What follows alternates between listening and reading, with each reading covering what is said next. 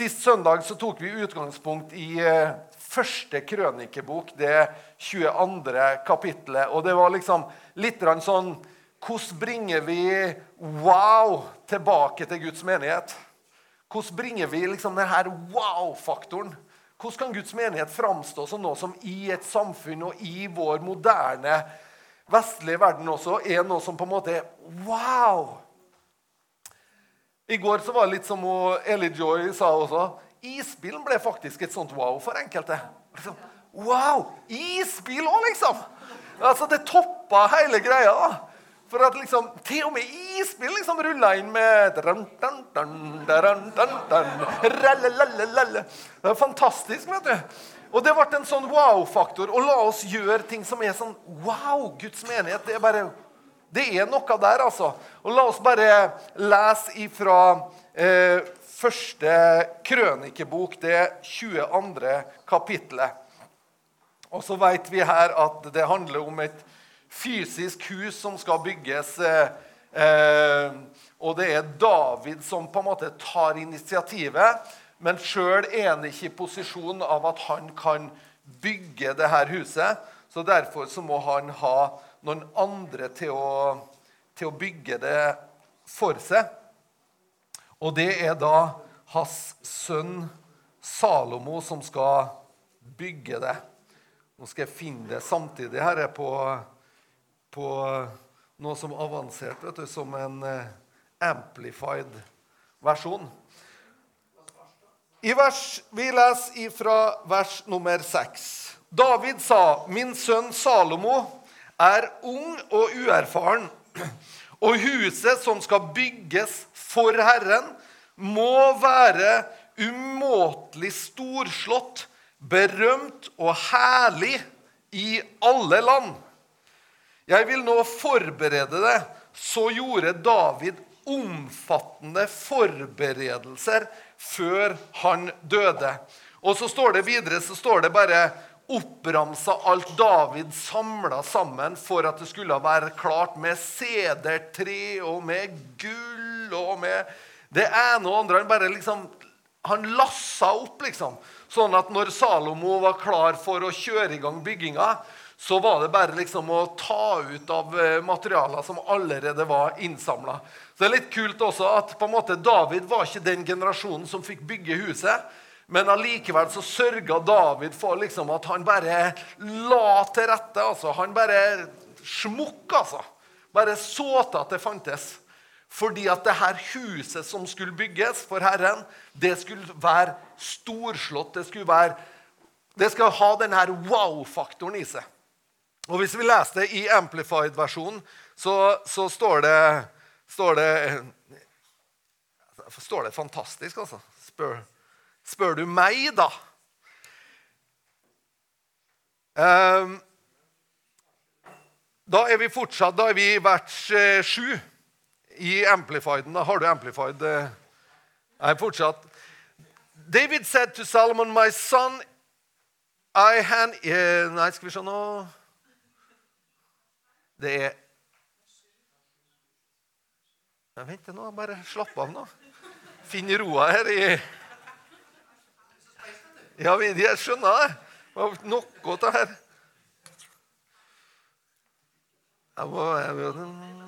jeg, tok med brillene igjen nå. Det står i vers 5. Hvem var det som sa vers 5? Der, vet du, har vi, vi Å, du har den! Hun har amplifieren! Det er, det er fint. Du er som mandeltreet, det våkne tre, vet du. Sant? Ok, Vers 5 i Amplified, der står det David said, Solomon, my son, is young and inexperienced, and the house that is to be built for the Lord shall be exceedingly magnificent, famous and an object of glory and splendor throughout all the lands on the earth. Wow! Det er wow-faktor, ikke det? Det skal være magnifikt, det skal være storslått, det skal være full av herlighet. Og så vet vi at Salomo bygde et tempel som fikk, fikk den karakteren. Det, det, kom reisende folk langveis ifra for å se herligheten som var over, over huset. Og det var et fysisk hus. Og nå bor Gud ikke lenger i fysiske bygninger, men han bor i deg og meg. Og vi som, vi som Guds menighet, hva står det om oss? Jo, det står at vi har blitt en bygning for Gud i ånden. Hør her! Vi har blitt en bygning for Gud i ånden. Så han bor i det og med, og vi er en bygning som er sammenføyd av levende steiner. Legg merke til levende steiner. Altså ikke døde steiner. Og Det var litt det vi jobba med sist søndag, og som vi jobba med både her og i Kristiansund. Og, og som vi, vi, vi, Jeg var og preka på Tingvoll nå på torsdag. hadde vi et møte der, og Tingvoll frimenighet. Og Vi deler det her da, om hvordan liv faktisk er noe som er oss gitt, og som Gud har putta ned i oss mennesker. Og som levende steiner så sammenføyes vi altså med våre ulikheter og med vårt mangfold. Og det er nettopp det som gjør dette huset så spesielt. Det er på en måte at Her handler det ikke om at vi likerettes og at vi ensformes og at vi liksom finslipes i kanten og at vi liksom tar nuven av initiativet og livet og det personlige. Skjønner du? Men det er levende steiner. Det er, en, det er en dynamikk av mennesker som faktisk lever. Men så er problemet det at mange ganger når du kommer inn i kirka, så er det faktisk sånn at vi blir liksom avkledd vår personlighet. Vi blir avkledd den vi er, og så blir vi forma til noen andre for at vi skal passe inn i et mønster. Og Sist søndag så snakket vi om det, at det er nettopp det som tar wow-faktoren bort fra Guds menighet. Det at Guds menighet har blitt en plass der vi blir konform, vi blir likedanna. Og det blir på en måte så trangt at du må på en måte ha et visst tankesett, du må ha et visst sett av meninger. Du må synes på et visst sett, og du bør egentlig være opptatt av noenlunde samme saker òg. For at du skal passe inn i, i, Guds menighet. Nå snakker jeg jo selvfølgelig ikke om menigheten her. Dette er jo nede på Østlandet en plass vi snakker om nå. sant? Så, men, men, jeg opplevde, når jeg delte det her på Tingvoll, altså, så kom det bygdafolk fram til meg og takka snakka med for at det delte her, fordi at det er nettopp det de har opplevd av den bedehuskulturen de opp, og, som, de, som, de, er oppvokst med. Som de opplevd nettopp det at det tok livet og initiativet ifra dem. Og så blir på en måte Guds menighet, som er, egentlig skal være plassen der liv bejakes, der liv får lov å spire og spontanitet får lov å vokse opp. Wow! Ikke sant? Isteden blir det liksom sånn at nå skal vi i kirka, og da må vi ta på oss den alvorlige maska. Ikke sant? Etter møtet her sist, eh, sist eh, søndag så fortalte en Roger Tornes vet du hva han fortalte det til meg? Han ble en kristen, han.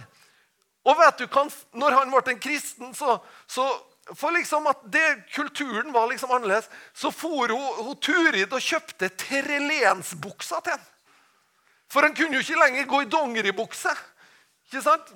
Og tror du han Roger ble glad for uh, terrelensbukse? Det passa han ikke i hele tatt. vet du. For det var ikke hans stil. Men sånn har vi på en måte gjort menighet. Vi her har gjort menighet til sånn noe du skal passe inn i. Du skal, du skal liksom inn i mønsteret. Du skal inn og skal du bli, kom som du er, så bli akkurat like kjedelig og grå og trist som alle oss andre. Ok, så Derfor så skal vi Jeg tror faktisk det at og Når jeg snakker om det her liksom andre søndagen, så er det nettopp fordi at, du, jeg tror at vi er nødt til å herje med det her bildet. Vi må herje med de her forventningene på en sånn måte at vi slår oss litt fri. At vi liksom skaper oss et rom der det faktisk er plass til oss. Der det er lov å være annerledes, der det er lov å tenke annerledes, der det er lov å være det sjøl. Tenk hvis Guds menighet kan få lov å være en plass der du, du, du liksom får lov å være deg sjøl, din egen personlighet. Får lov å komme fram. Å nei. nei. Det har sikkert ikke vært Nei, nei, nei det høres, høres, litt kjipt ut. ja. Det sånn, høres spennende ut. Fantastisk, Johannes. Du setter ned her, og så bare Hæ? Nydelig. Du koser deg? Ja. Fantastisk. Og det her trenger vi, for vi trenger å bringe wow-faktoren tilbake til Guds menighet. Vi trenger å oppleve det at det å komme til Guds menighet det skal ha en, skal ha en dimensjon i seg som er bare wow. Og hvordan skapes den? Hvordan er det liksom vi får den faktoren inn? Og så er det på en måte det her at jeg tror at det er ikke det konforme, det er ikke det at det ble så stil, det ble, liksom så, det ble så classy, det ble så slik det ble så, Men jeg tror det er nettopp det som er det unike med Guds menighet. det at Her er vi. Se i rommet her.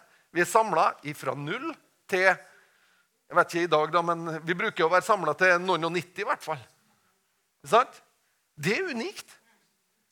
Du finner ingen forening i denne verden som er sånn. Og Det betyr altså at erfaringene som de yngste har gjort seg, er så ganske annerledes enn dem som har levd lengst iblant oss. Noen iblant oss har opplevd en verdenskrig, liksom. Har opplevd liksom å, å, å bodd i et okkupert land. Noen har opplevd det iblant oss. Noen har opplevd fattigdom iblant oss. Noen har opplevd på en måte tida der det var trangt, der det var vanskelig, og har helt andre referanserammer enn kanskje noen som bare er oppvokst og tar det nesten for gitt at vi har rikelig av alt og alt vi trenger. Det er masse ulike perspektiv. For noen så er det på en måte Det er krevende hvis vi, hvis vi Nesten krevende at vi bruker penger på å lage en fest i sentrum. Fordi at man er oppvokst til at vi må spare og vi må liksom ha det sånn. Så skjønner man ikke at er det virkelig verdt, handler det her egentlig om det vi er kalt det. Og Da kanskje vi er nødt til å hjelpe hverandre til å tenke riktig, til å tenke godt. Sånn at vi frigjøres til å tjene Gud. Hvilken menighet går du i? Hvilken kirke går du i? Hvordan er den kirka du går i? Tenk hvis det første som slår det når noen stiller spørsmålet Så det første som slår det, det Wow! Wow! Ja, den er bra. Tenk hvis det kunne være sånn Wow, Hun er ikke fullkommen, men wow, det er noe der, altså. Tenk hvis det kan være en sånn plass, da. Der unge og gamle bare har liksom Wow! Ja, der skulle du vært. Du skulle vært med der en gang. Det er bra. Der er, det, der er det bra å være. Der kan du være deg sjøl. Kom som du er, og oppdag virkeligheten i hvem du er. Og la det blomstre. La det blomstre, altså. OK. Eh, vi skal gå litt videre, og vi skal gå til Lukasevangeliet, det eh, 24. kapittelet. Lukas 24. Jeg tenker Når vi var i sentrum i går, så tenker jeg jeg har litt lyst til å bare bare jobbe litt i tankene våre også med nettopp det her å være ute iblant folk og la evangeliet være noe som er synlig for mennesker. For det her henger i hop. Jeg tenker at hvis vi skal, vi skal bygge ei kirke som gjør det oppdraget som Jesus faktisk ber oss om, så fordrer det noe av oss. Og La oss bare lese noe i Lukasevangeliet 24, vers 46-49. Skal vi lese der? Og han sa til dem, slik står det skrevet, menneskesønnen Messias skal lide og stå opp fra de døde tredje dag. Og i hans navn skal omvendelse og tilgivelse for syndene forkynnes for alle folkeslag. Dere skal begynne i Jerusalem. Dere er vitner om dette. Altså, Hvem er det som er vitner om det? Jo, det er vi. Altså, Det er faktisk sånn at det er du og jeg som er vitner om hva Jesus har gjort. At han har båret vår synd, at han tilgir, tilgir, oss, at han løfter det av oss, og at du og jeg kan på en måte være representanter om hva omvendelse betyr. Hva betyr omvendelse? Jo, det betyr en ny start, en ny mulighet. En mulighet til å vende seg fra det destruktive til det som er positivt, livsbejaende og givende. Vi skal være vitner om det her. Det er liksom ikke en evangelist fra Bulgaria som skal komme og fortelle folk om det her. Det er du og jeg. Vi skal være vitner om det her. Vi skal fortelle mennesker rundt oss. Det her er det som skjer. Det her, Så naturlig er det. Det er ikke verre enn det her. Er det noe merkverdig? Er det merkverdig evangeliet? Det er ikke noe merk... Vet du, Evangeliet er egentlig sagt på to-tre setninger. det. Hoveddelen av evangeliet vet du, evangeliet er faktisk at Gud er begeistra for mennesker. At han er så begeistra at han var villig til å sende sin egen sønn til å dø i vårt sted for å fri oss fra vår negative ferd. Sånn at vi isteden kunne få liv i han. Det er ikke vanskelig, men allikevel er det faktisk sånn at du, for min egen del så var det sånn at det var noen som preka til meg. Det var noen som ikke kanskje preka, men noen som snakka til meg. i hvert fall. Og fortalte meg om de her nyhetene. fortalte meg, Jeg har en kompis han heter Dag. Han ble en kristen et års tid før meg. Men vi spilte i, la, i, band sammen, og jeg skjønte at nå har det skjedd noe med han. Og når han fortalte meg hva som skjedde, og ikke bare fortalte meg, men han inviterte meg med sånn at jeg, jeg fikk møte noen av vennene hans som hadde opplevd det samme. Hva er det som skjer med meg da? Jo, da begynner troa å vokse på innsida av meg.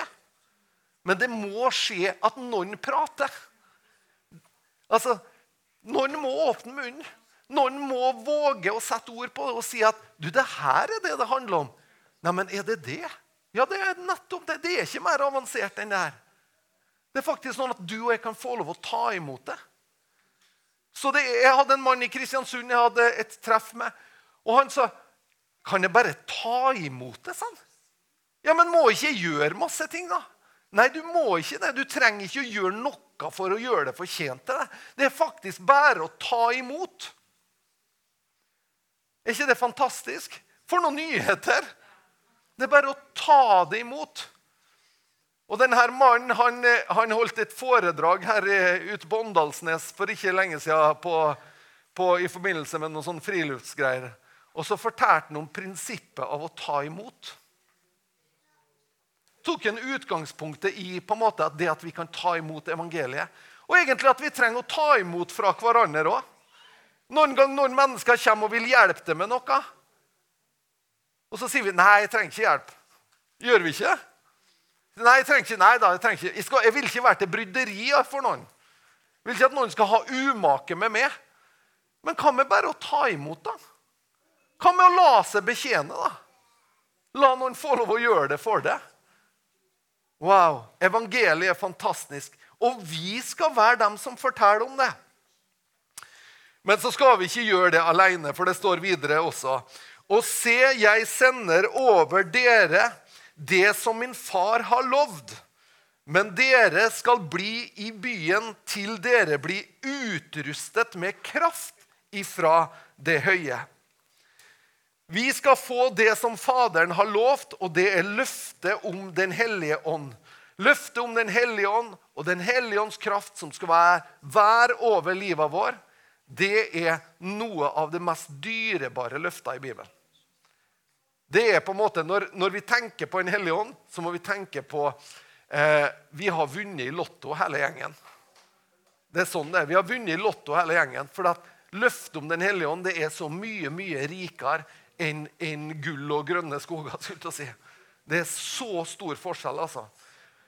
Jeg vet ikke om det er noen, Men noen ganger så har jeg opplevd det.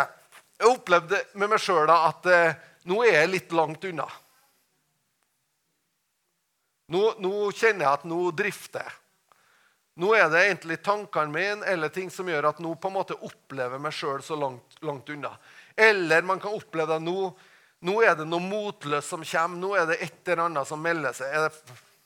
Det, var sikkert bare jeg som Men jeg snakker, jeg snakker for Altså, Vi gjenkjenner at enkelte ganger så er det sånn. Men vet du hva som har slått meg som utrolig, egentlig? Det er på en måte at opplevelsen av at når jeg da som opplever at nå er jeg langt unna, når jeg venner meg til, så opplever jeg så mange ganger at det var ikke så langt unna som jeg trodde. Det var faktisk bare å venne meg til. Så var han der. Er det noen som har opplevd det samme? Altså, på en måte, man vender, kanskje man setter seg ned sammen med noen og så sier man at vet, nå, nå er jeg skikkelig motløs. altså. Kan vi ikke be til Gud sammen? Og så begynner vi å be, og så er han der med sin ånd. Med det samme. Fordi at saken er den at du og jeg vi kan vandre bort ifra han, men han vender seg aldri fra oss. Jeg har en, en mann i, på Frei som jeg, jeg, møtte, og han tenkte om seg sjøl at han har gått så langt bort ifra Gud at han tenkte at nå, hvis jeg skal vende meg tilbake til, til på en måte troa mi og til det nå, så det, kommer det til å være ei kjempevandring tilbake. Men så opplever han det at så fort han snur seg imot Gud, så er han framme. Det er ikke det en rar opplevelse? Tenk deg at du går liksom, du er på vandring. Du, er liksom, du vandrer langt ut på sidelinja, liksom. Og så tenker du oi, nå har jeg langt tilbake, altså, for nå har jeg gått så lenge på feil spor. Her, nå har jeg langt tilbake. Men så er opplevelsen hans i det øyeblikket han snur seg, så er Gud der. For Gud vendes ikke bort ifra oss.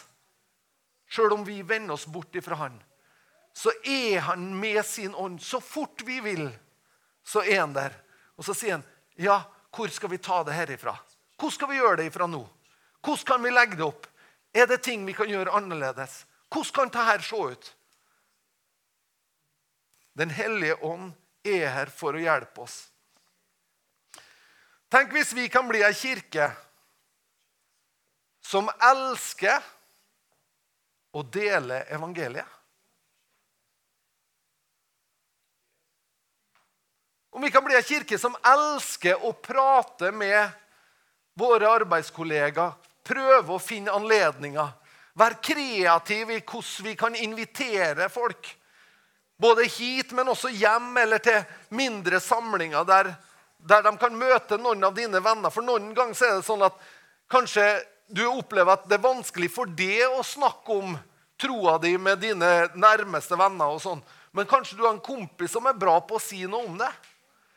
Så du liksom inviterer sånn at det blir ei samling der de kommer sammen. Og så får de liksom prat. Tenk hvis vi kan bli ei kirke som syns det er spennende. Jeg tror vi er det litt òg.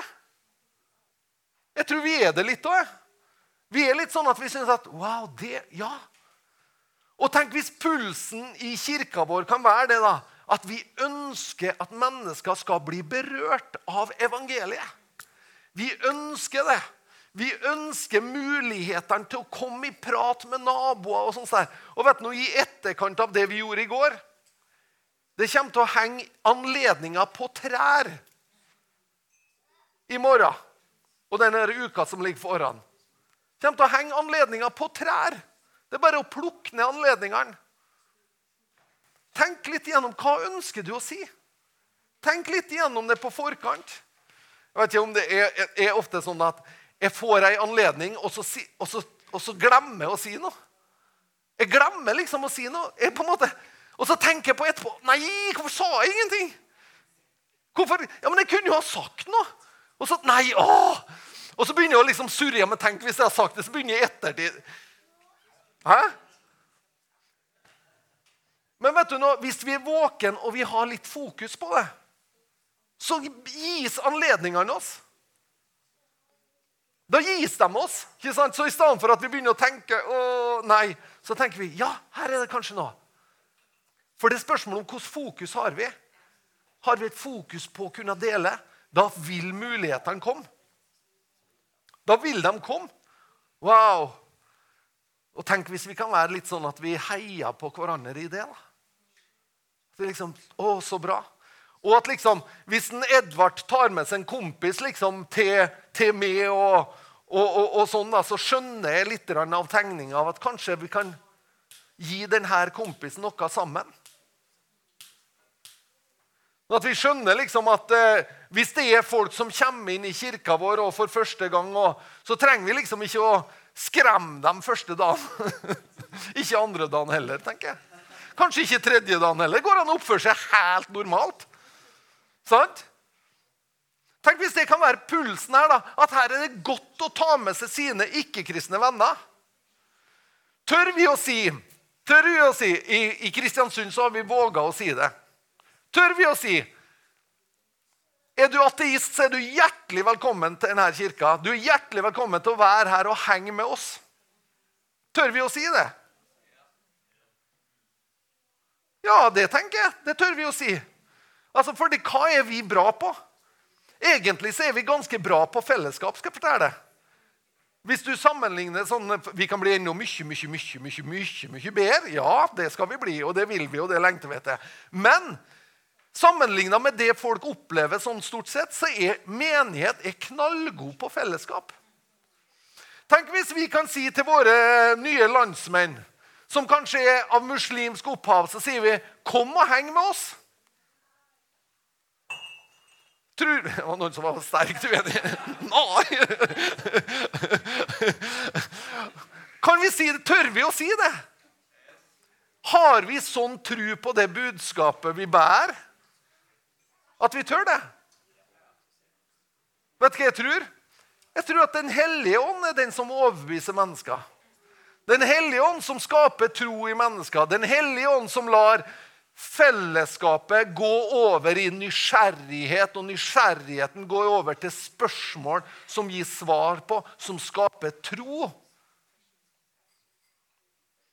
I Kristiansund så har vi tre muslimer som går fast på møte hos oss og elsker det. De er med på team. Fantastisk. Og Enen, enen har tatt imot Jesus og og, og driver liksom og jobber med hva det betyr. Nydelig. Og så har vi ikke-kristne som kommer tilbake på, i, i, kirka, og så tar de med seg nye ikke-kristne, for de syns det er så bra i kirka. Det er bra. Og, sånn, og det er det vi skal skape. Og var, her skal vi være frimodige, fordi at vi har noe unikt. Det å treffe dere, sånn, det er unikt. det. For dere er en positiv gjeng.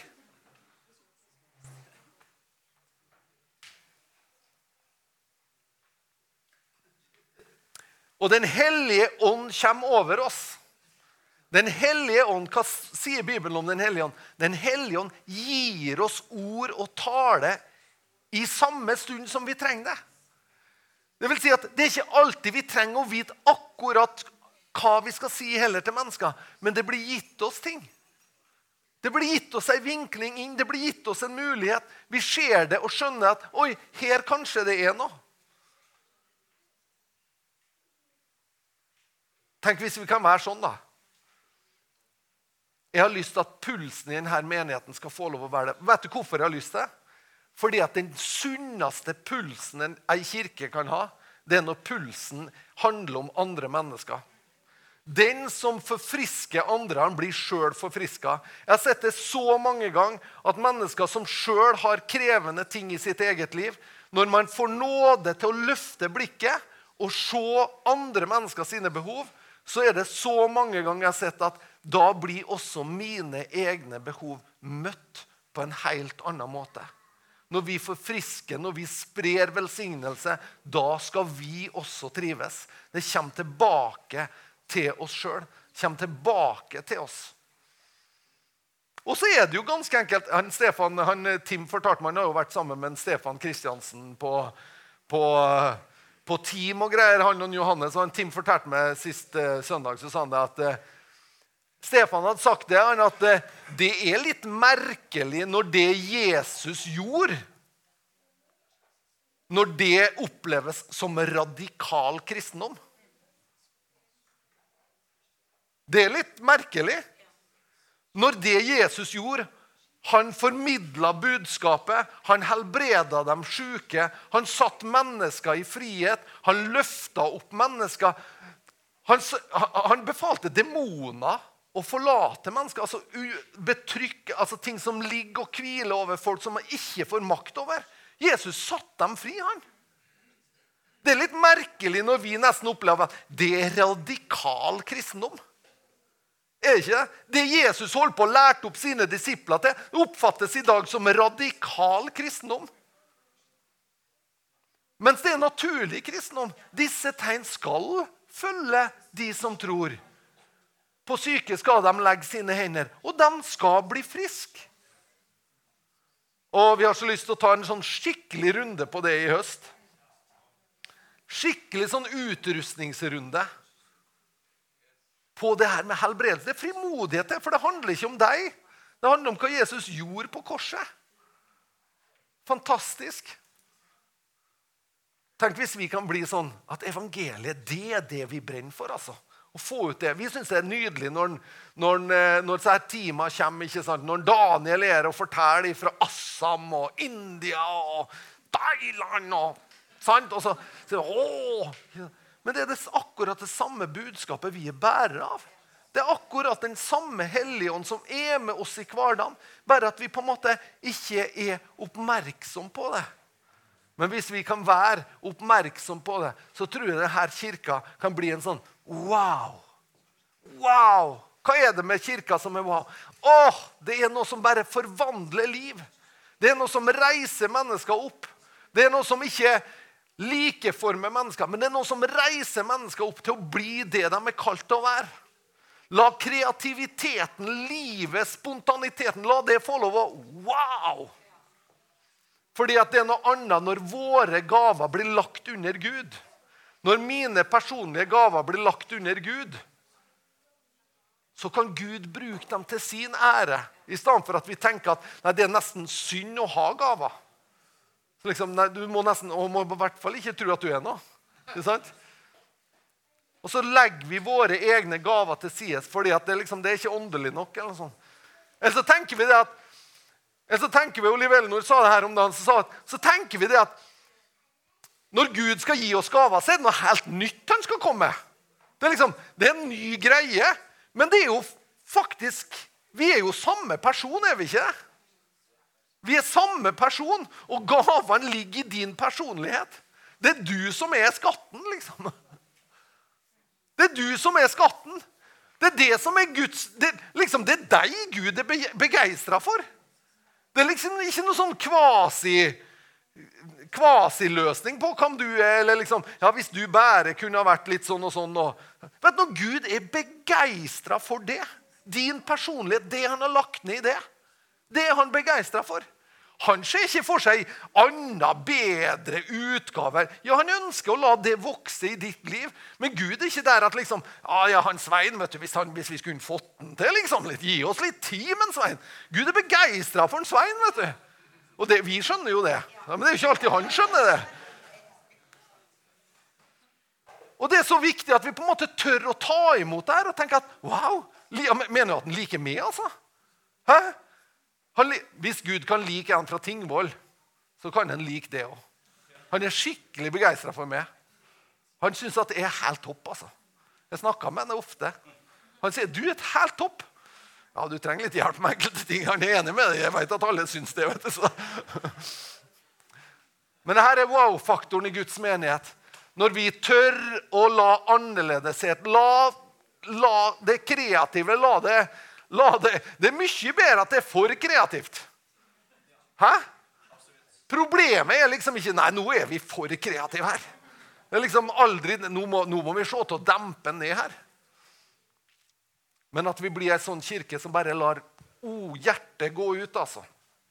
Til mennesker. Jeg skal ta og gå mot landing, Edvard. Hvis du kommer opp, så skal vi ta litt tid på slutten her. Ta litt tid og og så tenker jeg det at eh,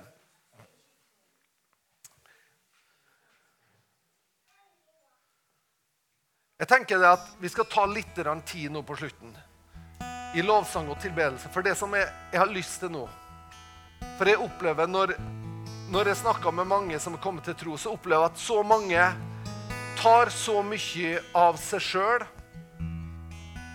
og legger det av. Vi tar Ting som egentlig er gudgitte gaver som han har gitt oss. Vi tar deler av vår egen personlighet, og så legger vi den til sides. Fordi at enten at kulturen har lært oss at du er ikke riktig bra nok sånn som du er, eller det du har, eller Jeg vet så mange gitarister. Jeg vet så mange gitarister som blitt kristne og som sagt at ja, nå, jeg, nå må jeg legge ned gitaren. Fordi at eh, fordi at den er en avgud for meg. Og hvem er det som har fortalt dem det? Det er talenter, det er gaver. ikke sant? Og så forteller djevelen det at det du er flink på, det du er god på, det er en avgud. Vi skjønner at det er godt å bare legge ting ved Kristi kors for at det kan få lov å liksom rengjøres sammen med det.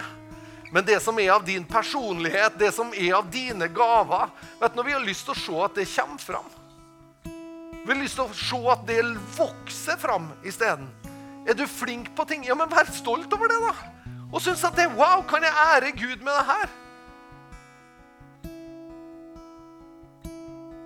Istedenfor at vi legger det ned, så tar vi det opp og så sier vi Gud.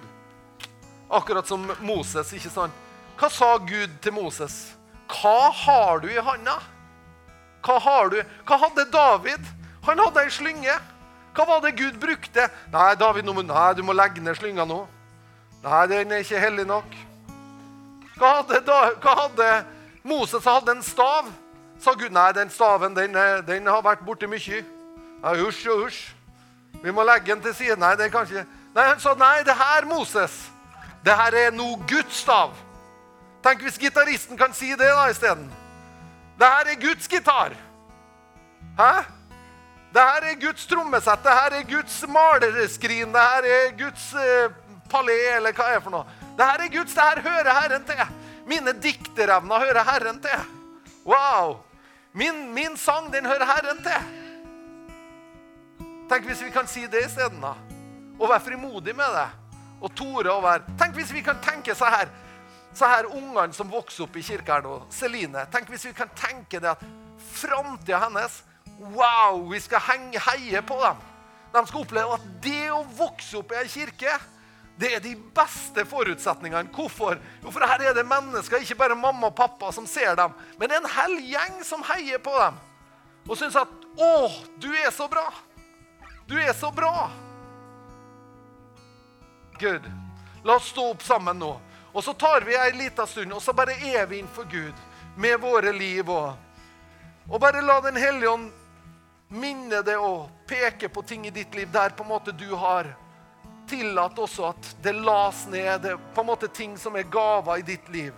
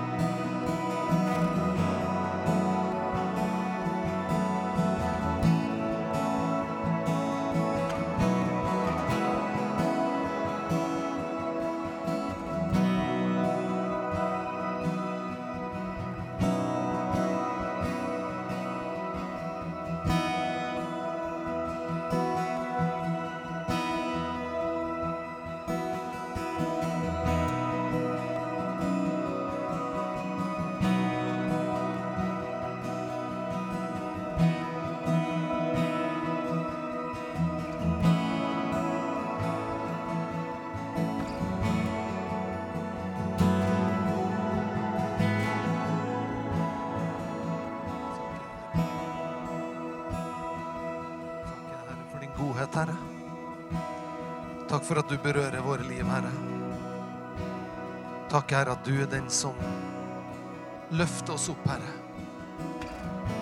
Du er den som bringer liv og helbredelse, Herre. Takk at du berører nå, Herre. Med ditt nærvær, med din kjærlighet, med din kraft, Herre. Så takker Herre. Takker, Herre, at vi får lov å reise oss opp, Herre, i den du har skapt oss til å være. I den du, den du har tiltenkt oss å være, Herre. Takker for det, Herre. Takk for din godhet, Herre, over hver enkelt. Pris og takker for det, Jesus. Så bare ber vi om mangfold, Herre. Vi ber om at denne kirka skal få lov å bli et hjem for mange mennesker, Herre. At du utvider horisonten for oss, Herre. At du utvider våre tanker, og at du flytter på våre begrensninger, Herre. At du flytter på det hos oss, Herre, som, som sperrer eller stenger andre ute, Herre. Rør ved oss, Herre, sånn at vi kan eh, elske sånn som du elsker, Herre. Sånn at vi kan være begeistra sånn som du er, Herre. Vi ber om det, Herre. Takk, Herre. Vi ber om at eh, du skal gi oss nåde, Herre. Vi ber om nåde til å virkelig få loven å være ei kirke der wow-faktoren kommer tilbake, Herre. Den her wow-faktoren her. Gud er sannelig midt iblant dere. Gud er sannelig til stede. Gud er der. Wow! Det skjer noe. Takker for ditt nærvær, Herre. Takker for helbredelser, for tegn og under, Herre. Takker for befrielse, Herre. Du setter mennesker i frihet, Herre. Takker, Herre, for wow-faktoren i din menighet, Herre. La din kirke, Herre, få lov å reise seg i stråleglansen, Herre, som går over, oppover de kirke, Herre. La lyset komme, Herre. La herligheten komme, Herre. Å, la det være majestetisk. La det være fullt av herlighet, Herre, og glans i Jesu navn. For at du, Hellige Ånd, du gjør et unikt verk i hvert enkelt individ. Og du har noe for hver enkelt, Hellige. Vi takker og priser deg. Og vi takker og priser deg.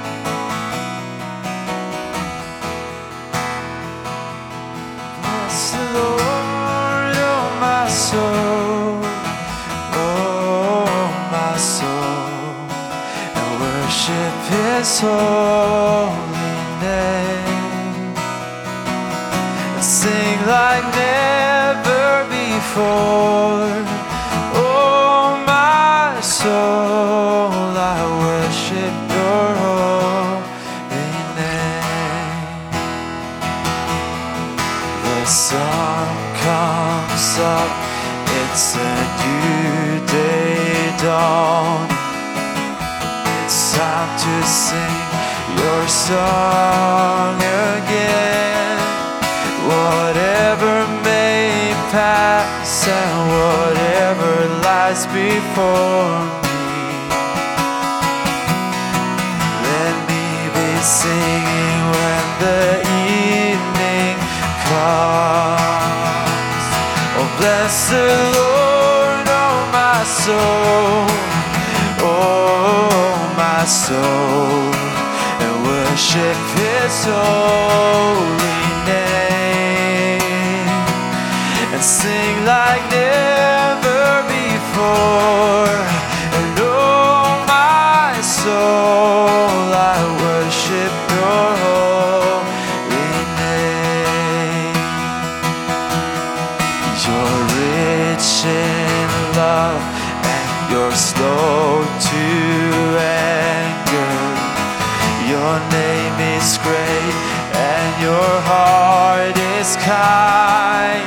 For all your goodness, I will keep on singing. Ten thousand reasons for my heart to find. Oh, bless the Lord, oh my soul, oh my soul. I worship His holy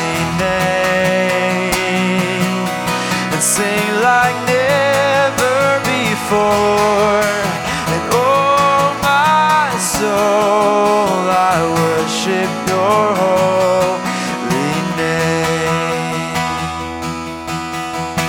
And on that day when my strength is failing, the end draws near and my time has come. Still my soul will sing your praise unending. Ten thousand years and then forevermore. Oh, and bless the Lord, oh my soul, oh my soul, and worship His holy name, and sing like never